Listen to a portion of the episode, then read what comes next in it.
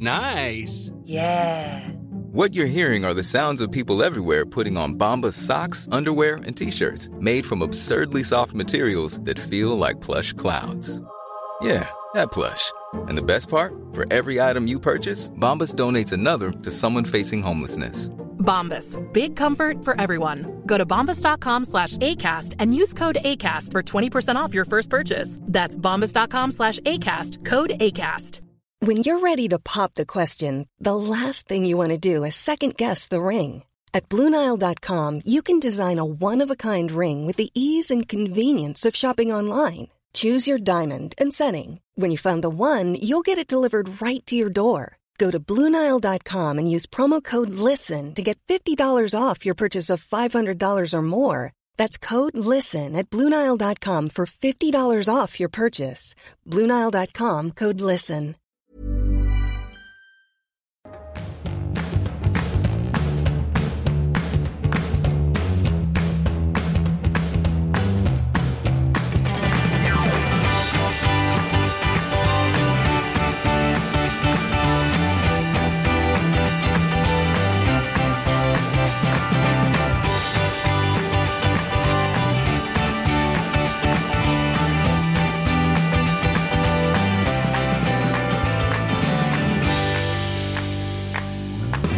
Ann Söderlund, Ann Söderlund tillbaka från Spanien. För första gången på många år så sitter jag i, på Mallis och eh, dricker ett glas vitt vin och är nu helt plötsligt intresserad och upphetsad av det politiska klimatet i Sverige. Ja, det var väl härligt. Ja, det var underbart. Det var inte så bra klimat heller, så det var lite kallt. Var det kallt? Nej, det var inte kallt. Det var, det, var, det var ungefär som här, fast lite kallare och lite regnigt och lite molnigt. Det låter ju inte kul. Själv låg jag i Vadsten och svettades och tänkte att men nu är det någon form av värmerekord. Och det var det, 36,5 grader. Va? Jajebux. Du skämtar Jajebux? nej, tre dagar med 36 grader och ett litet regn på en timme.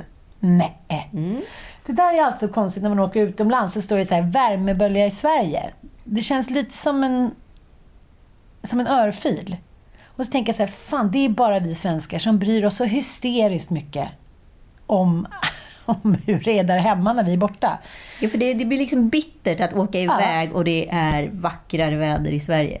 Jo men man så lägger ner 50 glada loppor typ och åker med sju personer. Och så, så här, är det lite svalt på natten. När man går upp på morgonen så är det så här, regnat lera. Så hela, liksom, hela möblemanget är bara så här. Det var inte jaha. med på bild på Instagram. Det var det inte. Utan det satt jag en liten häcke för där. Ja, Du skärmade av bilden just där. ja. Nej men det har varit, jag måste bara säga att så här, det är någonting med Mallorca. Det är ju eh, en paradisisk ö. Och eh, det, är bara, liksom, det är ju någonting när man semestrar utan att det är den hysteriska turistanstormningen som inte är på Mallis nu. Och det var inte när jag var med Ossian i Paris heller. Utan det är lite lagom. Det är mest spanjorer och det är inga du är köer. ju och- också så rolig för att du är också den enda personen som jag känner som inte då sticker till Gotland efter, eh, eller efter skolavslutning som du brukar. Utan då sticker du utomlands. Och så är det så här. Kommer du hem och så är du lite irriterad på att det är så mycket trafik när du kommer hem. För att, varför är inte folk på semester för? Man bara så här, men Ann, industrisemestern har fortfarande börjat vecka 28. Men jag, jag tänkte att jag... Eh, att det är en stor skillnad. Eftersom jag bor i hus nu så får jag inte samma panik i maj som jag brukar få. Nej. Så att egentligen kanske var lite pärlor för svin. Men jag fick ändå av, av min karaslok att han sa så här. Nu förstår jag varför du alltid åker iväg så här tidigt. Nu känns det ju som att sommaren blir mycket längre. Jajabubb. Jajebub. Jajabubb. Nej, men vi har haft det mysigt. Det, Ja, det är mycket nykära bilder på er två. Oj, Ja, oj, oj. Det började, mycket memory började lanes. dåligt. Jaså? Det började dåligt. Det skavde ordentligt där. Jaha, är det där, får du dåligt samvete då så du måste lägga upp grejer och hur Nej fantastiska men, då, är i nej, men sen blev mig vi, vi, som, vi som kan lite så bakomblickande, vi blir alltid väldigt perplex när de här, när de här kärlekshyllningarna dyker upp. Ja, men det, det var två dagar efter eh, det lilla första eh, semesterbråket som kanske alltid måste ske. Är det så? Men jag tänker så, man kanske inte har pratat med varandra på sen eh, man var ledig vid jul och helt plötsligt så ska allting vara perfekt. Det har man, skaver. ja, man har ju olika tankar om vad som är en bra semester. Någon tänker så här, nu ska det bli mer jaja-bubb-känslor. Vad är det? För oss som inte förstår vad som händer i din hjärna. lite sex och lite en Vad är smakelano då? Jaja Bub och Smakelano. Ja, men det vet vi alla vad det är. det är bra. Då behöver jag inte förklara. Nej, men, men eh, sen är det så här. Jag kände faktiskt det när jag var där. Att det här är nog sista gången som vi alla sju eh, som jag är en serviceartikel för alla sju. Ja, du menar att du är materialkvinnan? Materialaren? Ja. ja.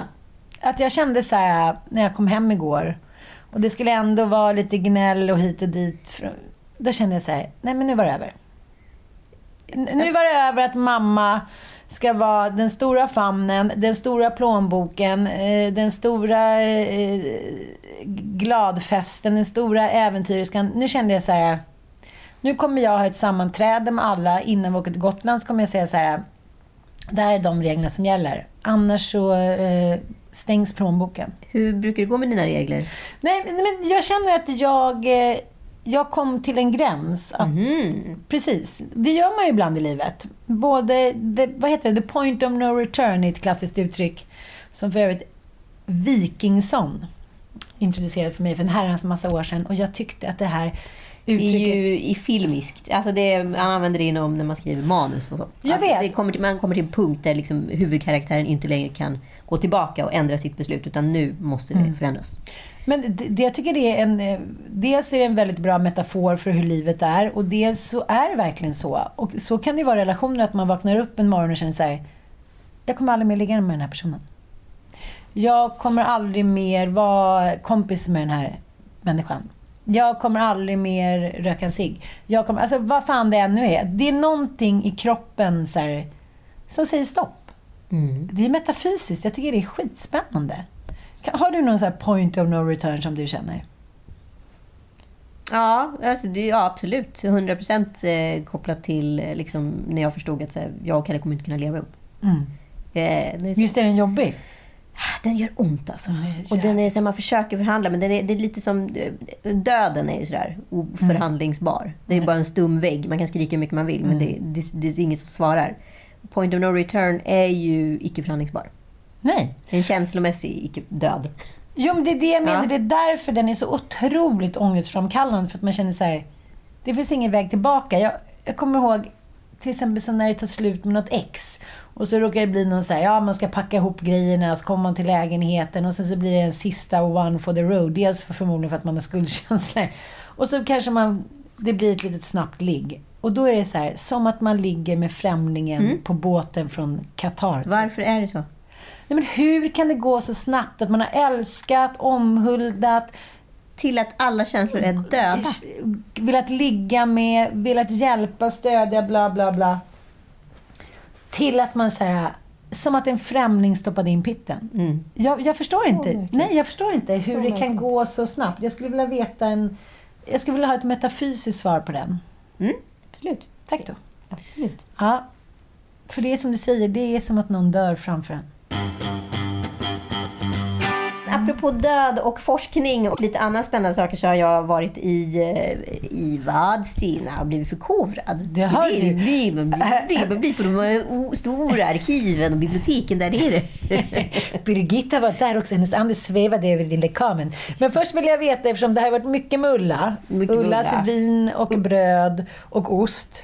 Ja, ost. Det, det, hon, där, där kände hon inte att hon ville anstränga sig. Det, Nej, där vill, det, det, det, Vadstena klosterosten finns ju där. Det finns ju. Du vet den där runda. Med, med röd sån där gummiplast. Är inte det svart? Jo, det kanske den är. Jo, det är den. Det är julosten som är röd. Det finns Vadstena klosterost, det vet ja, du väl? Ja, ta det Den hon hade som du själv hade skummat. Ta det lugnt. Ja, men hur som helst var det väldigt spännande för att vi hamnade liksom in på, eh, började prata om folk som har eh, hypokondri. Men alla, om ni lyssnar på den här podden för kanske tredje eller sjunde gången så måste vi kanske kort bara berätta vem Ulla och eh... Folke. Ulla och Folke är då min goda vän Linas föräldrar eh, som tillika har blivit liksom bonusmormor och morfar för mina barn eftersom min mamma inte är i något mentalt bruk och min pappa har gått bort. Eh, så det är lite som mina barns mormor och morfar, fast det inte är det. Men mm. väldigt mysigt Älskar sånt. Älskar sånt när det funkar, och det gör det ju. Eh, Ulla har ju då gått hemma ett år eh, och inte varit förnöjd med livet kanske man kan påstå. Folke han gnolar på. Det ska åkas på vinresor, det ska vad heter, åkas på golfresor och så vidare. Så det, det är lite obalans där hemma just nu. Men det kommer lösa sig, det är jag Ja. är säker på. Bra. Hur som helst så börjar vi prata om hypokondri. Och här då, Folke har ju då varit tung inom psykiatrin. Eh, Så att han har mycket koll på såna här grejer, vilket är roligt att prata med honom. Så jag hoppas att jag återger den här historien ganska bra nu. Det visar sig i alla fall att hypokondri är eh, kopplat till, ofta kopplat till sexuella övergrepp i, i varierande liksom, range, om man ska säga så. Allt från liksom, eh, grov våldtäkt till tafs. Det behöver liksom bero på vad man har varit med om. Och det någonting som man har själv egentligen har, det har triggat igång någonting hos en själv. Man har blivit rädd i en situation kopplat till det sexuella. Och anledningen varför man... Jag tyckte det här var så fruktansvärt spännande så jag tänkte jag måste berätta för er i podden. Eh, så ni får jättegärna också skriva in eh, till oss om ni, eh, om ni kan så här, se den här kopplingen eller förstå nu vad det beror på. För har man problem med hypokondri då ska man faktiskt gå till sin typ, terapeut eller psykolog och börja prata om att man kanske varit med om ett u- eh, övergrepp. Eh, för det kan tydligen lösa själva hypokondrin. Intressant. Mhm, men, det, men det kan väl också härledas till typ kanske någon... Det behöver kanske inte bara vara sexuellt övergrepp? Eh, Jo, just, just hypokondri är tydligen eh, ofta sexuellt övergrepp visar det sig. Jag vet Wow. typ över 40 procent i alla fall som var just eh, sexuellt kopplat. Och, men man började med den här forskningen, det var det som var så spännande hur man kom fram till det. Det började med någonting på 50 och 60-talet som hette eh, DMT-tester, alltså Defense Mechanism Test. Och det började man, eh, det var en, en psykolog som tog fram det på 50 och 60-talet för att då man började märka att vissa piloter störtade oftare än andra. Och vissa piloter överlevde ju och då kunde man liksom, eh, prata med dem vad det var som hade hänt i det där kritiska ögonblicket och så vidare. Vilka som höll huvudet kallt? Precis. Och Som vi- Simon Kjær. Exakt. Och det visar sig att många piloter i det kritiska ögonblicket precis innan krasch eller liksom när man förstår att man har tappat the point of no return, när, när planet faktiskt ska krascha, gjorde fel beslut. Och de här felbesluten triggades igång utav någonting som hade hänt i deras förflutna. Så hade de exempelvis varit med om ett sexuellt övergrepp, hade varit med om en traumatisk eh, separation, misshandel och så vidare. Alltså så här, fyra så här, punkter i ens liv som så kan utlösa faktorer. Då tog, gjorde man också ett felbeslut i, i, det kritiska, luften, jag ja, i det kritiska eh, situationen. Så då störtade man. Så helt plötsligt så börjar man införa de här DMT-testerna och de har man fortfarande idag när man söker sig en pilot. Och det går egentligen ut på att du typ tittar in i en tub eller ett rör. Och långt där borta så visas det en eh, liten, liten bildsekvens i en nano, nanosekund. Superfort så du knappt hinner uppfatta den själv, men din kropp hinner reagera på den. Och eh, då är det också just eh, typ misshandel, eh, sexuellt övergrepp, en traumatisk liksom, separation eller kris och så vidare som, som är i de här bilderna. Och de visas superfort, det är bara fyra stycken bilder som visas. Och reagerar du då på dem eller din kropp, då har du oftast varit med om det. Och då måste du redogöra för vad du har varit med om. Liksom. För det, det, här, det här är ju väldigt intressant, just det här som, som du och jag pratade om off camera, höll jag på att säga. Att saker i ens förflutna kan ligga latent hela ens liv, men det kan också triggas igång. Jag tänker till exempel på otrohet. mm, Det finns ju massa forskning kring det såklart. Och eh, det visar sig att oftast människor som är otrogna är det ja, i sammans, liksom, samband med en större kris. Till exempel att man har blivit av med jobbet eller att man liksom eh, någon har dött. Ofta att en nära och kära har dött. Då börjar man tänka så här, ah, is this it? just det. Precis. Och då, för det ska ju alltid vara så här. Då, det är klart att det är en indikation på att så här, relationen suger och att det så här, borde vara slut och hit och dit. Och det kanske är i viss, i viss mån. Men enligt den här nya forskningen så handlar det jävligt mycket om att man känner så här, inte så mycket om på att man har tröttnat på den andra personen utan att man har tröttnat på och känner inte igen den man själv har blivit. Nej men precis. Och du också så här, jag skriver ju en serie med Julia Duvenius, där har vi ju exakt det som ett case. Liksom. Eh, en god vän till oss eh, vars pappa var ett så här superpatriark. Man fattar ju inte att en pappa är en patriark förrän den går bort. Nej, och vad nej. det betyder för en familj. Liksom. Han gick bort och eh, alla tre barnen inom ett år skilde sig från sina respektive. Är inte det spännande? Och det är så här, utlyser och då pratar... Är det i er serie eller är det någonting som Nej, är det, det är det som har hänt på riktigt. Så Jaha, det, det var liksom wow. en av de okej, jag casen fattar, vi tog med. Liksom. Fan vad spännande. Ja, för att Ja. en, död kan utlösa liksom, eh, olika typer av relationskriser. Och det är det här som är så jävla spännande, för man pratar inte så ofta om det här. För att det är jättevanligt att någon i en relation vill separera när ens förälder exempelvis har gått bort. Mm. Eller exempelvis pratar man också om att eh, ens bästa polare skiljer sig. Då Ja. kan de, det kan också trigga igång någonting. Att man börjar Rädslan ute på Lidingö när ett par skiljer sig och alla andra typ överklasstanter bara Ja, men plötsligt börjar du liksom testa din egen partner. För ja, eh, liksom, både jag och Julia var med om eh, varsin separation. Jag var från Kalle och, och hon, hennes pappa gick bort. Eh, Och då började hon testa sin partner, Kristoffer, jättemycket i den här situationen. Och jag och Kalle separerade ju liksom. Ja. De facto. Vi, vi, stod inte starka nog. Liksom. Och då började vi skriva den här serien. Skitsamma. Men det är väldigt intressant att man börjar, liksom, att det, saker och ting kan triggas igång utav död. Men jag tycker det är så roligt med, med med allt som, är, som handlar om moraliska dilemman. Det gjorde inte det här som du pratade om. Men just det att när man då frågar människor som har varit otrogna så här. Ja men tycker, skulle du själv berätta någonting om, om du... Skulle du berätta, berättade du själv när du var otrogen? Nej, säger 95%. Men samma 95% skulle ju bli skitsura om partnern inte liksom berättade. Så att så här, just den här moraliska dilemman han- handlar väl om att man, man tror att man är skyddad. Liksom. Och förr i tiden så var det ju faktiskt lite så att, att männen litade ju på att kvinnorna var trogna just för att man var ju tvungen att veta vem fan som skulle ha kossan sen när man hade dött. Liksom. Ja men arvet, det var inte, handlade inte lika mycket om kärlek. Liksom. Jag har tänkt mycket på det där med relationer också nu på semestern. Att man så här, Eftersom Gud är lite bortrationaliserad i vår del av världen så handlar det så jävla mycket om att man ska få så mycket av en partner.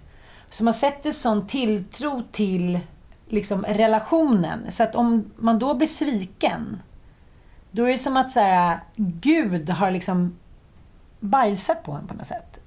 F- För det är ju det man har. Det är ju liksom det heligaste är ju då sakramentet med ens partner och ens familj. Och är det någon som visar då att någon annan liksom kan gå in och eh, riskera hela den här härligheten. Det är sånt otroligt svek. Fast jag tycker att det intressanta är att oftast handlar det liksom inte om dig som person. Att jag är trött till exempel på Mattias. Utan det handlar om att så här, det har hänt massa saker, jag är missnöjd med mitt eget liv och därför vill känna det här. Blodet rusar, jag vill känna mig uppskattad, någon skrattar åt mig. Inte så mycket om att jag tycker att den andra personen är så himla tråkig. Det är det den nya forskningen säger. Jag tycker det är spännande.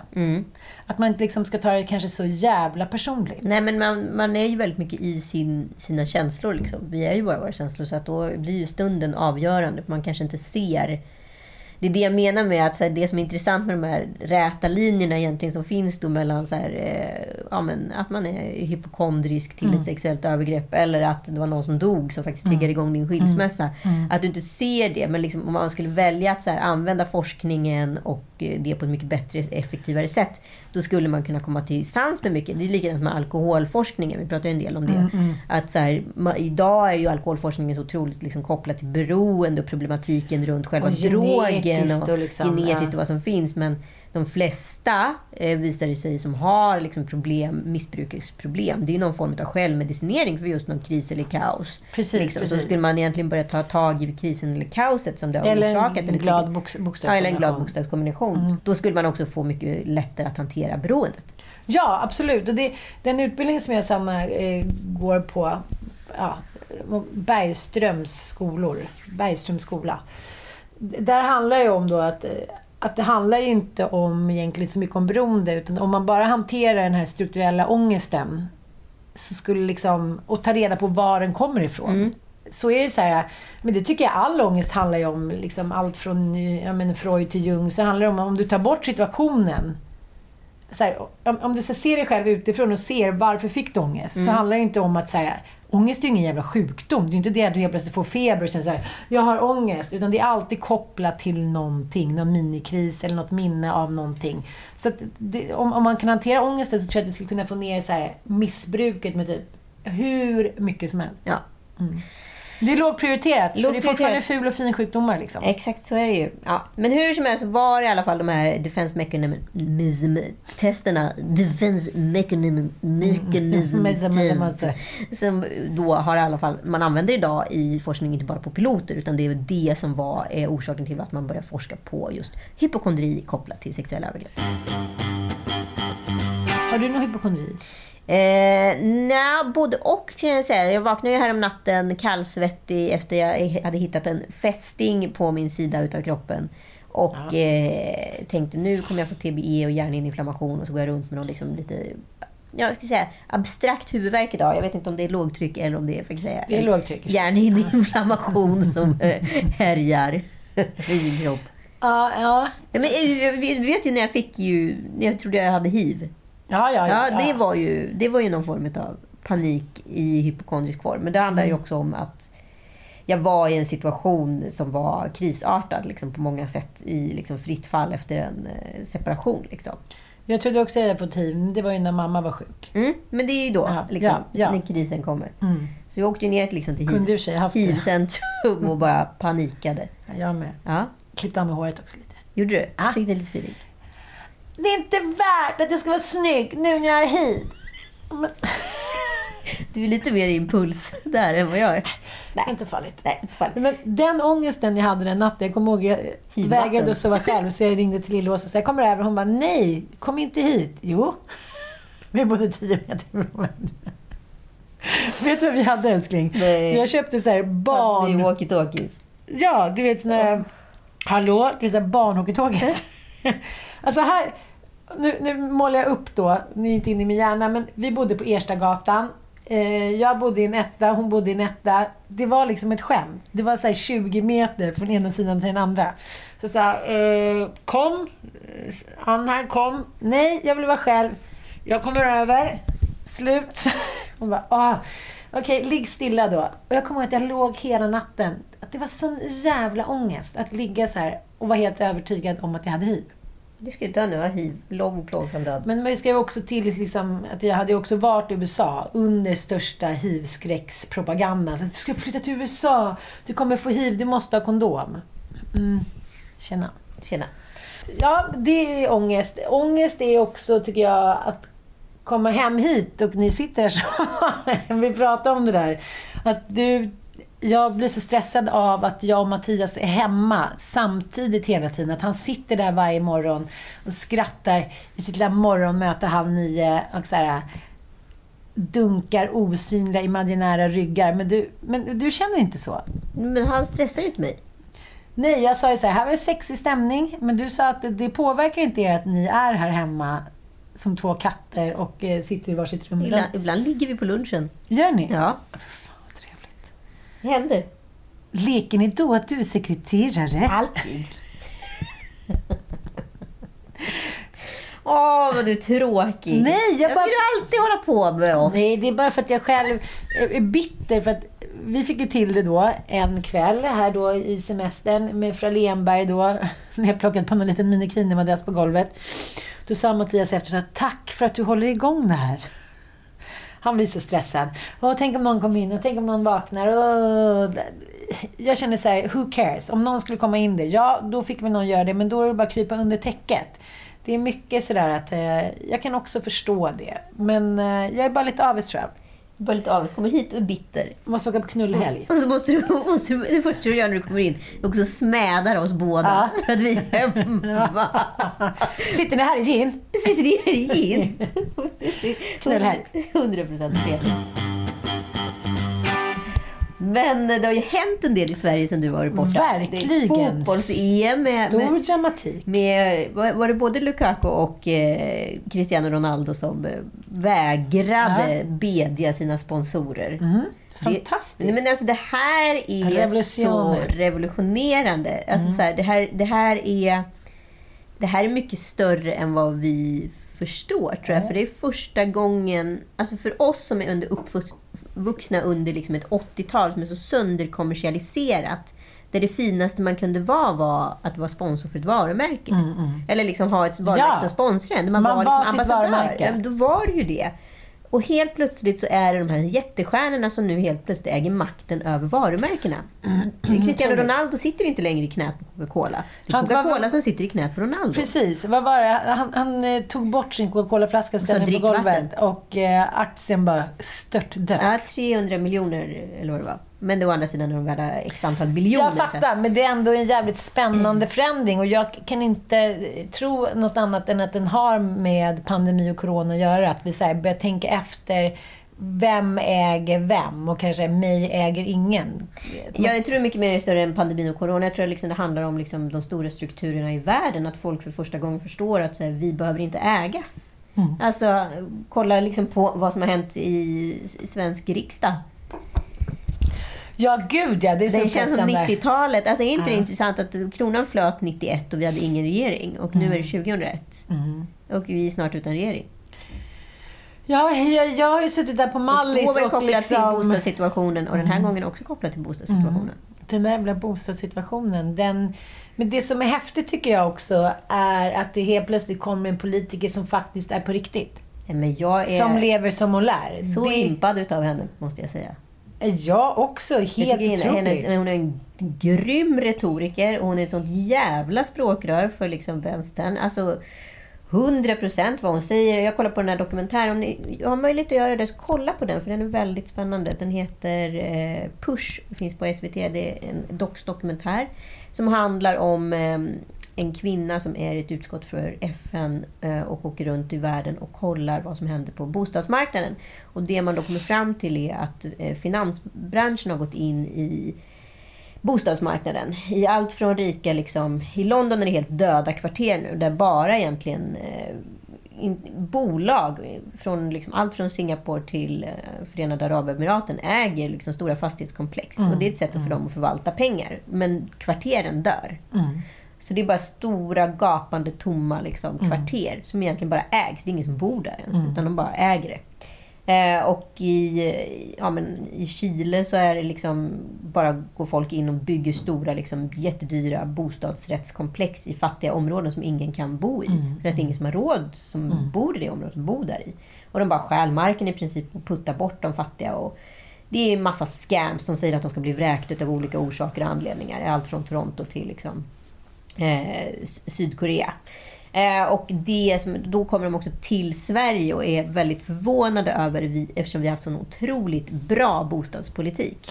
Ja, det socialdemokratiska har ju, ju faktiskt byggt upp den här bostadspolitiken. Ja, och nu är och den, har som stjälper den. Ja, och den har varit så skyddad liksom just från privata finansiella in, intressen. Mm. Men det som har hänt under Stefan Löfvens tid är att helt plötsligt har då Blackstone, som är den stora gruppen, som i Sverige då är Carnegie, som är liksom, ja, förlängda armen, eh, kommit in i exakt den bostadsmarknaden. Så det man gör är att man köper då billiga eh, ja, hyresrätter i, i vad heter det, förorterna, renoverar dem och chockhöjer hyrorna med 50 procent. Så helt plötsligt är en hyra upp till nästan 75 procent av vad en person eh, som ja, bor där Ja, ska ja, kunna betala. Och en hyra ska i vanliga fall vara mellan eh, 25 till 50 procent. Precis. Och det här blir liksom en skevhet i hela världsekonomin. Så det Norge gör är ju extremt viktigt för eh, Sverige och för bostadsmarknaden. Och vi kommer se fler av de här exemplen. Så se den här dokumentären Push för att få hela perspektivet utav hur viktig den här frågan är. Det här är någonting vi inte får sjabbla bort. Jag kommer ihåg första gången jag eh, kände av den där känslan av att det inte är en levande stad. Det var när jag och eh, Nanook, jag får inte säga Snoken längre för hans barn, de säger “Kallar du pappa för Snoken?” Mm, Ja, ja. Så gjorde du precis det, men ändå. ja, na. Ja. Vi var på ja, men en av våra första romantiska resor i Venedig. Ja. Och jag kommer ihåg vilken jävla ångest jag fick. Jag bara kände att det är någonting som inte stämmer här. Redan så tio på kvällen så var det helt dött inne i Venedigs kärna. Och så kände jag så här, varför är det inte några människor som bor här? Så jag pratade med någon på hotellet som sa så nej men det är eh, amerikanos, rika amerikaner som har köpt upp då de attraktiva lägenheterna i Venedig och de är ju aldrig där. Nej. Så det är som en spökstad. Mm. Och eh, det här med att ha en levande stad där så många kulturer möts hit och dit. Jag menar, till slut blir det ju getton. Ja. Såklart. Ja, Människor har inte råd. Ja, man bor i Akalla, så här, i en nyrenoverad tvåa för 25 papp i månaden. Det är liksom... Det finns ingen som har råd. Nej. Och de som har råd vill inte bo där. Nej, Så det vill säga... det är ingen vann. Nej, ja, he- heja, heja, heja. Det här ska bli jäkligt spännande. Och det här blir också väldigt spännande att prata om mina söner som ändå är nu är 17 och 19.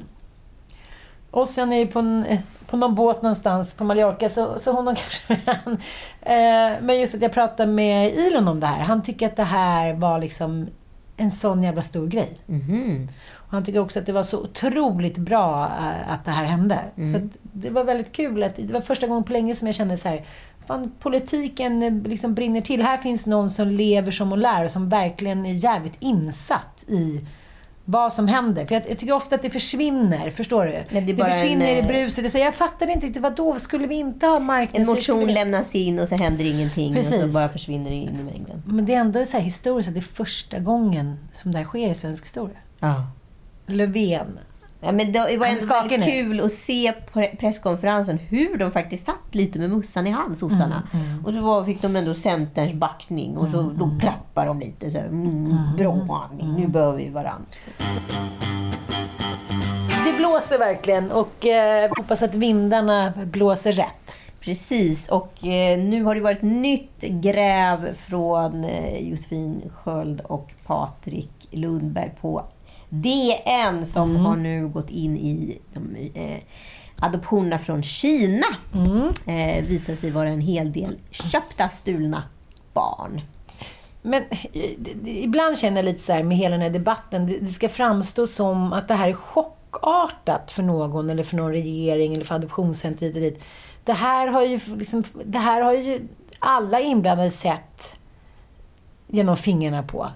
Ja, både och skulle jag vilja säga. Men jag tror att det grundar sig i det vi pratade om tidigare också. Det är det här vita västvärldsperspektivet. Att vi liksom blivit indoktrinerade i någon form av säljkampanj. Att vi ska rädda barn. Liksom. Eh, och det har ju varit så djupt rotat i oss att vi har inte heller kunnat se att vi kunde ha gått till på ett annat sätt.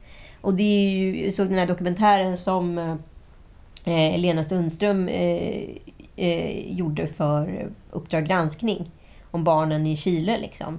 Där intervjuade hon ju adoptionscenter vid flera tillfällen och liksom, de kan ju inte förstå att de har gjort fel. Alltså det, det, alltså framförallt så kan de inte liksom be om ursäkt för det. Eller, det var ju en, en kvinna som hade varit chef där som slutade 2002. Hon satt ju bara och skrattade och sa nej, nej, nej, nej, absolut inte. Vilket kanske inte den nya chefen gjorde för hon var lite bättre mediatränad. Men, men eh, det är fortfarande sitter djupt rotat i dem att så här, de kan inte ha agerat fel. Eller, och jag tror inte liksom det har funnits något ont uppsåt från dem. Men det man vet idag, och det här har jag ju försökt värja mig för själv, liksom, men det gick inte efter den här dokumentären och det här senaste grävet. Det är ju så att väljer du att adoptera, då får du välja att kliva in i en laglig barnhandel. Det är det liksom du behöver ta ställning till. Sen kan det absolut i vissa fall vara värt det. Men det sagt. Jag vet. Jag, jag, jag tänker också att spiken i kistan var ju också alla de här, förlåt uttrycket, men kändisadoptionerna under 80 Ja, men 90-talet. vet, så romantiserade glorifierade. liksom- Man ser Madonna så här, står med, Angelina Jolie, jag står med så här, barnens föräldrar så här, Hon är fattig och ensamstående. Ja, men ge henne då. Ge henne 100 000 så kan hon leva på det resten av sitt liv med sin dotter. Då gör de så här, jag tycker det är så äckligt med de här liksom blodiga pengarna som de... Oj, eh, Madonna har skänkt 200 miljoner till Mali. Jaha, då- ska alla titta bort. Det är bara... Hon har fått så lite kritik för det här, vad jag vet om i alla fall. Ja, och lika så, så här, jag, jag förstår, Mia Farrow, jag förstår att det var en jävligt speciell situation efter Vietnamkriget. Det var väldigt många Aha. föräldralösa barn. Och liksom, hon har ju adopterat barn i fl- flera olika åldrar och i vissa fall har det varit mer framgångsrikt än andra. Liksom. Men det här tycker jag ändå så här, det finns någon förlåtande ton att det var 70-80-talet, men Madonna har ju liksom 2000-talet har hon adopterat. Hela grejen är konstig. Jag, Ja, men jag tänker liksom i hela historien, Macron, Frank, Macron, Frankrikes president nu är på någon eh, be om ursäkt-resa i Sydafrika och andra koloniala länder där man säger, försöker titta tillbaka på vad man har gjort fel och försöker be om ursäkt. Man, eh, ja, det är skadestånd och det är pengar hit och dit. Det är som att ta till exempel Argentina där en stor del av befolkningen, lika stor del som slavar som kom till USA kom till Argentina. Men där är det liksom ingen som överhuvudtaget nämner att typ en tredjedel av befolkningen är från afroamerikansk härkomst. Alltså man måste titta tillbaka på historien och försöka hitta någon försoning. Mm. Man kan ju inte bara låtsas om att det inte har funnits. Och det tycker jag är lite samma sak nu med adoptiv... Mm. Där, Oj! Det här måste vi titta noga på. Det har ju varit en, en öppen handel för att det har varit okejat av den vita ja. makten. Liksom. Exakt. Nej, men jag eh, funderar själv på, faktiskt, på, på polisanmäla adoptionscentren. Aha. För att det är jättemånga som börjar göra det nu. Och liksom, eh, jag, vill, jag skulle verkligen vilja veta hanteringen av mitt ärende. Och jag håller på och gräver i det och jag kommer återkomma till det lite senare. Men eh, ja, fortsättning följer så att säga. Ja. Ja, men apropå eh, om man ska titta tillbaka på historien så håller jag på och läser om nu Det oroliga som är ja, men, självbiografsroman av Linn Ullman. Just det, dottern. Precis, till, till Liv och ja, Ingmar. Ingmar. De var ju aldrig gifta. Nej, just det. Nej. Det här var ju slutet av 60-talet, början på 70-talet som de då blev blixtförälskade. Och eh, hon, hon var 27 och han var 48 va? Mm. Och då kan vi ändå säga nu med retroperspektivet. Jag är 48, jag menar inte att jag ser ut som en eh, 27-årig liksom, rosenknopp. Men om man jämför med hur Bergman såg ut 48. Och Kane Man. Ja, skröplig med basker och liknande. Så, så var det någonting man fick omhulda då. Att, mm. man, att man blev en gubbe eller en gumma som var krasslig. Och så tänker jag så här, dels så slår det mig så mycket när hon beskriver att det var, jag vill ju inte vara barn. Det är väldigt oattraktivt att vara ett barn om ens föräldrar inte vill vara vuxna. Ja, ja, gud ja. Och jag har tänkt så mycket på det där att... att du känner dina barn? Ja. Just nu så tror jag nog att de känner väldigt mycket att de får vara barn. Men det där har ju varit en process för mig också. Att man, man skaffar kanske barn av fel anledning vid fel tillfälle. Och för mig kändes det så väldigt mycket som att jag kände mig ensam och eh, ja, men att jag, jag ville liksom bli hel igen med hjälp av mitt barn. Och det låter ju jätteegoistiskt, men det är inte så man tänker. Det var inte så att jag tänkte att nu blir jag blir gravid för att jag känner mig ensam här i världen. Utan det, det men det blir symptomet? Ja, det omskrev man ju till en romantisering och jag är så kär och vi ska ha ett kärleksbarn hit och dit. Men eh, det, det är svårt när två människor som har mycket i bagaget och kanske inte är på rätt plats för att skaffa barn gör det. Det blir Ja, det blir så. Det vet du ju själv, att mm. barnet ska då vara en vuxna. Och då är det ju såklart inte attraktivt att vara ett barn. Såklart inte. Och hon skriver om det där att hon, så här, hon kunde liksom, ja men Linn skriver att hon kunde inte förstå så här, alla andras barns lekar och fantasier. Och den här barnsligheten var liksom jävligt tidigt oattraktiv för henne. Men eh, jag tycker ändå det är så roligt att hon eh, hon berättar om hon hittar gamla brev då som, som Ingmar har skrivit. Så långa liksom, texter. Så, ja, nu när en, det här är problemet när en gammal man träffar en yngre flicka då. Att jag har ju legat här med ångest och min kropp börjar bli skröplig efter mitt hårda arbete med filmen. Och jag känner att det börjar komma ifatt mig på ålderns höst. Och då är han 48. Jag kan liksom inte... Vad mycket som har hänt. Liksom. Att då var man gammal vid 50. Mm. Då skulle man ha 50-årsfest och alla barnen skulle komma från runt om i världen. Alltså det var ett kort liv man hade på något sätt. Ja, precis. Men man levde också fram till 42 och sen började man rusta sig inför döden. Ja, runda av ja, typ. och förvalta som du berättade om. Precis förra gången. Men eh, det är också där jävligt intressant att komma in i huvudet på en renodlad jävla egoist, vare sig han är ett geni eller inte. Hela tiden, hon kom ju dit, Linn kom ju en eh, månad varje sommar till Demba då, där Fårö, hans älskade hus då. Och det var ju alltid att han hade sina ritualer. Så här, du sitter inte i drag nu. Du håller inte på att bli förkyld. Men det var ju inte var mycket hypokondri? Ja, mycket hypokondri. Oj, och det handlade ju inte om att han var orolig för sina barn. Utan han var orolig för att han själv då skulle bli förkyld. Mm, just det. Ja, men mm. den har jag också hört. Eh, vad var det vi hörde nu? Ska vi se här. Det var en kompis då vars pappa var så orolig för att ens barn skulle följa med till Frankrike på semester. Eh, för, och det visade sig att var inte orolig för barnen, utan var orolig för sin egen skull, att han skulle eventuellt kunna bli sjuk. Och där tycker jag om, om, om eh, det där tycker jag är så jävla bra fingervisning om när man träffar en ny partner. Mm. Man ser det direkt. Ja, ja, ja. Är det så här äkta omsorg eller är det liksom av omsorg av en själv? Exakt. Och eh, allting handlar om det där. Och så berättar hon också om ja, Ingrid då, som han gifte sig om på ålderns höst, ja, 50 då. som han var kär i när han var ung och då var ju hon gift med baronen och hit och dit. Och hon hade ju, om jag bara tror jag, fyra barn, men de fick ju inte vara på Fårö. Och hennes då längtan efter att få ha sina barn hos Nej, för att nu tyckte han, nu har de väntat så länge på varandra, Ingrid och, och Ingmar, att de skulle då vara själva. Men grejen är att han gick ju upp sju varje morgon och badade liksom näck i den där lilla poolen som han var så stolt över. Så satt ju han och skrev. till sex på kvällen. Och sen kollade han på en film och så gick han och la sig. Det var inte så mycket med det. Men då är det en scen där i. Jag, jag återkommer till det hela tiden. Det som man gör. Ja, men man gör ju sin egna lilla revolt. Om man är liksom instängd, även om det inte är på riktigt, eller om det är. Förstår du vad jag menar? Så som man själv har gjort. Så här, man gör små trotsgrejer som kanske inte syns, men man själv känner så här. Där visar jag i alla fall att, att jag hade någon självständig känsla. Och Ingrid då, varje kväll klockan sex så röker hon en cigg Mm. vid tallen. Och det här är väldigt stort. Alla sitter och tittar på. Då tar hon sin njutningscigg och sin lilla, eh, liksom, ja, revoltsig. Mm. Och då tänkte jag så här, gud, det är sånt man själv gör i vardagen hela tiden för att visa så här. Ni har inte fått mig, ni har inte kört över mig. Jag har fortfarande min inre revolutionäre. Eller hur? Ja, ja, absolut. Vad gör du med sånt? Kommer du på någon grej som du Nej, men gör? jag har nog också den lilla ciggen, men jag tänkte på väldigt. Dagens cigg, det är ändå något romantiskt i det tyvärr. Ja, men semesterciggen, då säger jag alltid så här. Hon är barn, det händer då och då att mamma dricker ett glas vin och så vill hon ta en cigg. Mm. Mm. Och då känner jag mig ändå som jag fortfarande är en fri och vital människa och inte bara en mor.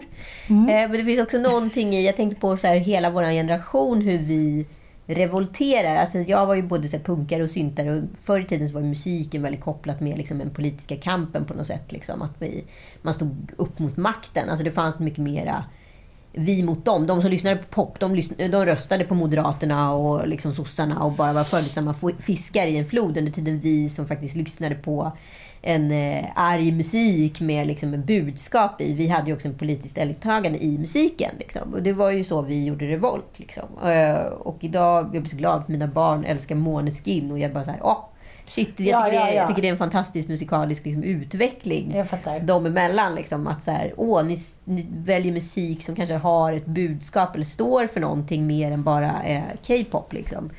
Eh, hur som helst, idag så tänkte jag på så här, hur fortsätter man eh, revolta då, som vuxen i en gammal liksom, Kvinnans kropp. Nej, men gammal kvinnas kropp. Nej, men i sin gamla så här, tonår... För så här, revolten går ju inte ur kroppen. Förstår du? Nej, nej, jag Den vet. fortsätter ju. Så att idag är det fortfarande att ifrågasätta makten och faktor och liksom kanske trotsa liksom, etablissemang på olika sätt. Jag tycker det är så spännande hur det fortsätter liksom, långt upp i levnadsåldern. Att man liksom inte, att man inte fogar sig. Att man inte slipas likt en slät sten. Utan man fortsätter vara kantig. Jag kommer ihåg, det finns en sekvens också i Margareta Strömstedts självbiografi. Men hon var gift med Expressens chefredaktör Bo Strömstedt. Och eh, ja, men de flyttade ut till miljonprogrammen och hon ville ju också skriva. Hon funkade inte alls för henne den där känslan av att vara hemmafru i en trea i förorten.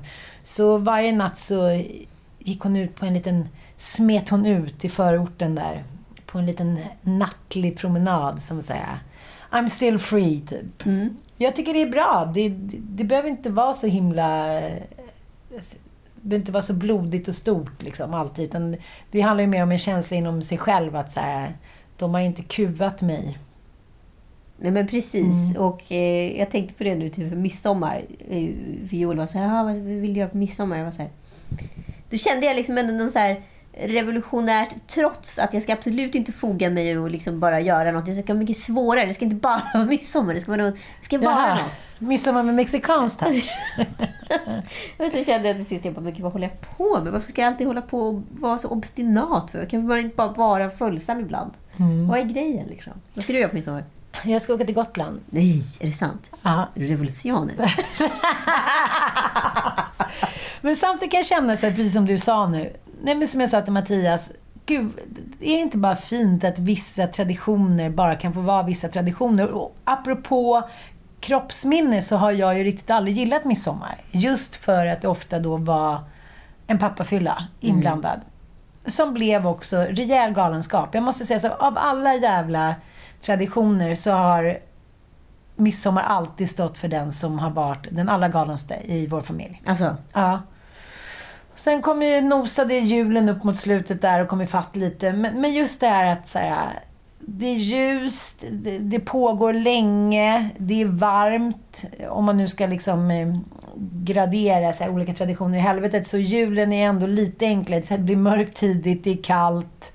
Kanske kan... man kan liksom, avrunda kvällen tidigt om man Precis. måste. Liksom. Midsommar är så här, det, då kan ju galenskapen för fan pågå i 24 timmar. Det blir aldrig mörkt. Nej, men jag också så här, jag har också haft... Apropå kroppsminne Ja. och liknande så känner jag så här, men, men det är inte... Jag behöver inte bära midsommaroket. Nej. Jag har inte varit full inför mina barn. Jag har inte rymt iväg med hehe. Jag har inte liksom varit galen och försökt köra iväg bilen på fyllan. Det är inte mitt ok att bära. Nej. Jag hade ett XXXXX som verkligen så traumatiserade midsommar för mig. Och sen dess tror jag liksom att midsommar är en bruten tradition. Ah. Han blev ju liksom så sinnessjukt berusad och sm- smygsöp uppåt nästan en 70 själv. Och mina Varför? kompisar som "Ja, jag vet inte, han, bara, han, var ju missbrukare liksom. Ja. Ja, men han, så att så här, och liksom Helt plötsligt började jag ragga på mina kompisar, helt plötsligt började han skälla ut någon, sen låste han in sig i bilen, skulle ta livet av sig. Och du vet, så här, och allt handlade bara, det var bara narcissistiskt. Han skulle bara fucka upp midsommar för mig. Ah. Det var ju det som var syftet. Och jag var så sjukt medberoende och bara tyckte synd om honom hela tiden. Och bara liksom, hela min midsommar gick ut på att få ut honom ur den där bilen och liksom, att vi skulle bli försonade. Han gjorde slut på mig på fyllan också. Allt det. Ja. Och så till sist så, så här, sätter jag mig i den där bilen och jag har ju druckit också. Jag vet att jag är full och jag, kör liksom den hem till Stockholm, vilket är så två timmar.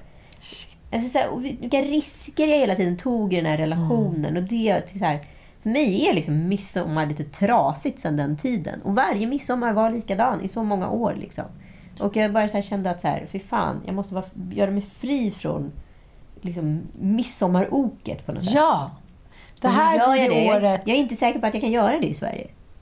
Nej, du tänker så. Ja. Men så har jag också tänkt. att säga, Gud, jag bryr mig inte om midsommar, vi drar utomlands. Men sen så just i år så sa Mattias, men ska vi inte stanna kvar några dagar över midsommar? Så jag kände så här, nej, det ska vi inte. Nu ska vi göra som vi har bestämt att vi ska göra. Och eh, jag tycker att det där är jävligt intressant just med traditioner. Att, det, att jag tror att det är så mycket viktigare för oss än vad vi tror. Och att de också sker på det sättet som det var menat från början. Sen är det alltid så med midsommar och med högtider. Det, det, det är upplagt för Kaos. att saker och ting ska bli kaos. Liksom. Men bara för det behöver man ju inte själv gå in i kaoset. Och det, är som du säger, att det är ett bra liksom, tips att här, ställa sig utifrån och se så här, varför har jag ångest för det här? Det är ju en situationell ångest. Det handlar inte om att jag inte gillar midsommar. Nej men precis, och det här tycker jag också att man ska verkligen ska här, ta med sig och prata om. att Allting behöver inte alltid vara barndomstrauma. Det kan vara liksom den första relationen, det kan vara den första, liksom, vad den första killen gjorde Ja. mot en, vad den första kompisen gjorde mot en. Alltså så här, olika typer av svek som har gjort avtryck eh, liksom under gånger i livet man varit på ett förstadie. Liksom så här, den första utav någonting. Det är då det oftast etableras. Liksom, och där, där någonstans sätts ett spår. Så hur, tar man sig, hur lämnar man sina hjulspår? Enligt Alex Schulman så går ju inte det. Det tror jag visst att det går. Eh, jag tänker så här, annars skulle ju människan vara dömd i bojor resten av sitt liv. Och det, det är ju inte människan. Nej. Men jag tror att det, är så här, det finns ju liksom släkter och det finns släkter. Eh, om man säger så. Det finns ju släkter där liksom sorg, missbruk, galenskap eh, har liksom följt spåren tillbaka i, i generationer. Det är svårt att svära sig fri just det där att, som vi pratar om i missbrukarfamiljer. Att, att man känner att här, det var någonting som var fel, men jag kunde inte sätta fingret på vad. Och det var vidare än alla andra känslor. Det var vidare än att pappa eller mamma söp, att det var galenskap, inte fanns några pengar. Det var just det där att så här, den här känslan av vanmakt, att man inte vet vad det är som har hänt. Den är liksom den allra, allra vidrigaste. Så här, familjetystnaden, familjehemligheter som är såhär, jaha, nu var det översopat och det, och jag är så allergisk mot det. Jag bråkar hellre öppet och beter mig barnsligt än att det ska vara den här starka energier av tystnad. Tystnadskulturen. Ja, alltså alla, går, alla går runt och är ledsna eller ilskna. Så som min mamma var. Stressad, orolig, arg. Men bara tyst för att säga det är så här man gör. Och det har jag gjort också i så många år och gör det fortfarande i viss mån. Och jag, jag försöker jobba med det, men det är jävligt svårt. Mm. Det är ju det. Tack för att ni har lyssnat och hoppas att ni får en fin midsommar. Jag Det är klart ni får. Ja, ja, jag tycker i alla fall ha det. Jag med. Puss och kram. Puss!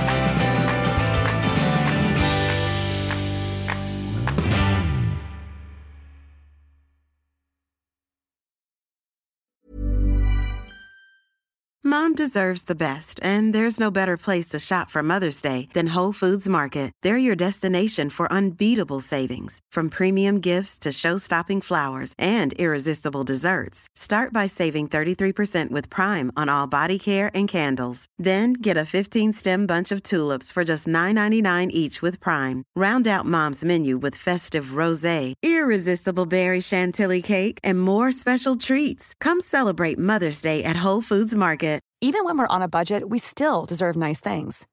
Quince is a place to scoop up stunning high-end goods for 50 to 80% less than similar brands. They have buttery soft cashmere sweaters starting at $50, luxurious Italian leather bags, and so much more. Plus, Quince only works with factories that use safe, ethical, and responsible manufacturing. Get the high-end goods you'll love without the high price tag with Quince. Go to quince.com/style for free shipping and 365-day returns.